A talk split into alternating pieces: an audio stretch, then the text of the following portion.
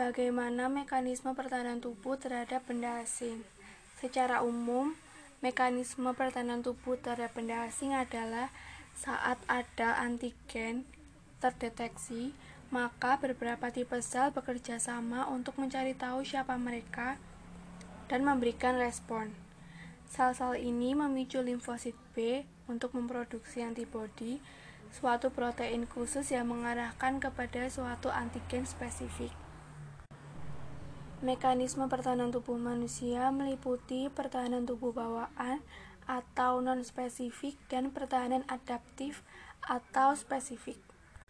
Pertahanan tubuh bawaan atau pertahanan non-spesifik.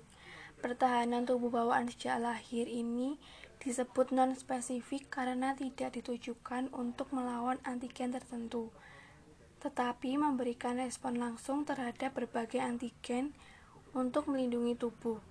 Setiap benda asing yang memasuki tubuh pertama kali akan dihadapi oleh mekanisme pertahanan non-spesifik.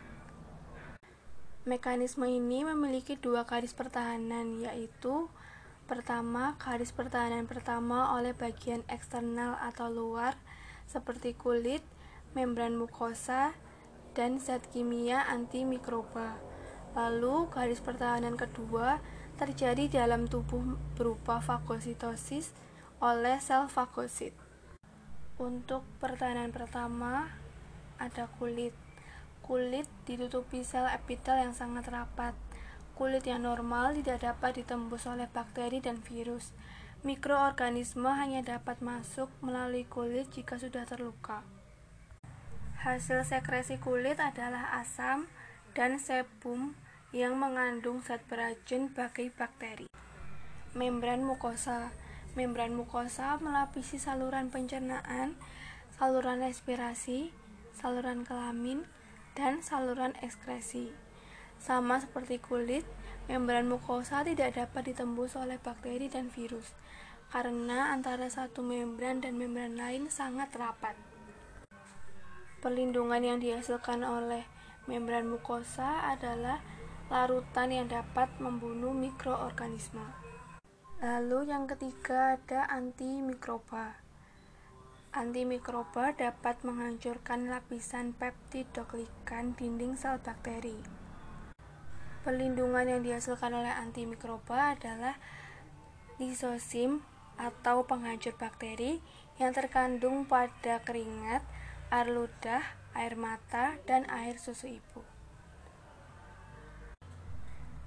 Lalu untuk garis pertahanan kedua atau kekebalan dalam tubuh pertama ada fagosit atau sel pemakan sel fagosit akan memasuki jaringan yang terinfeksi lalu menelan dan mencerna semua mikroba yang ada contohnya makrofag neutrofil dan eosinofil Selain fagosit, juga ada sel natural killer yang berfungsi membunuh sel kanker. Sel natural killer bekerja dengan melepaskan senyawa kimia perforin. Lalu ada juga protein antimikroba. Contohnya interferon dan protein komplement. Lalu pertahanan tubuh kedua yaitu pertahanan tubuh adaptif atau spesifik. Imunitas dihasilkan dari produksi antibodi spesifik yang dikhususkan untuk antigen tertentu. Antigen merupakan singkatan dari antibody generators, merupakan suatu molekul penanda yang terdapat pada permukaan sel yang dapat merangsang produksi antibodi. Sedangkan antibodi adalah protein plasma yang dihasilkan oleh sistem imunitas sebagai respon terhadap keberadaan suatu antigen dan akan bereaksi dengan antigen tersebut.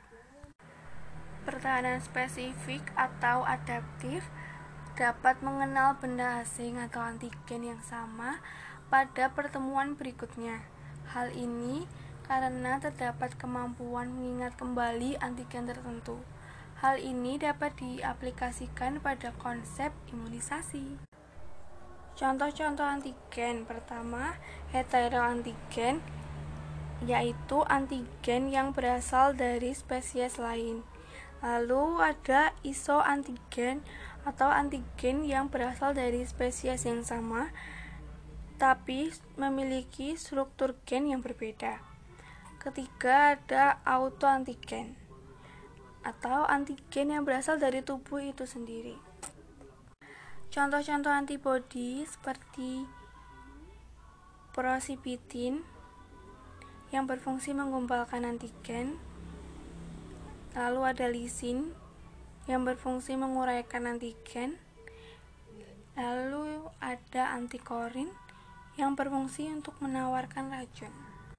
Dilihat dari ingatan imunologis, kekebalan tubuh dibagi menjadi dua, yaitu kekebalan tubuh aktif dan kekebalan tubuh pasif.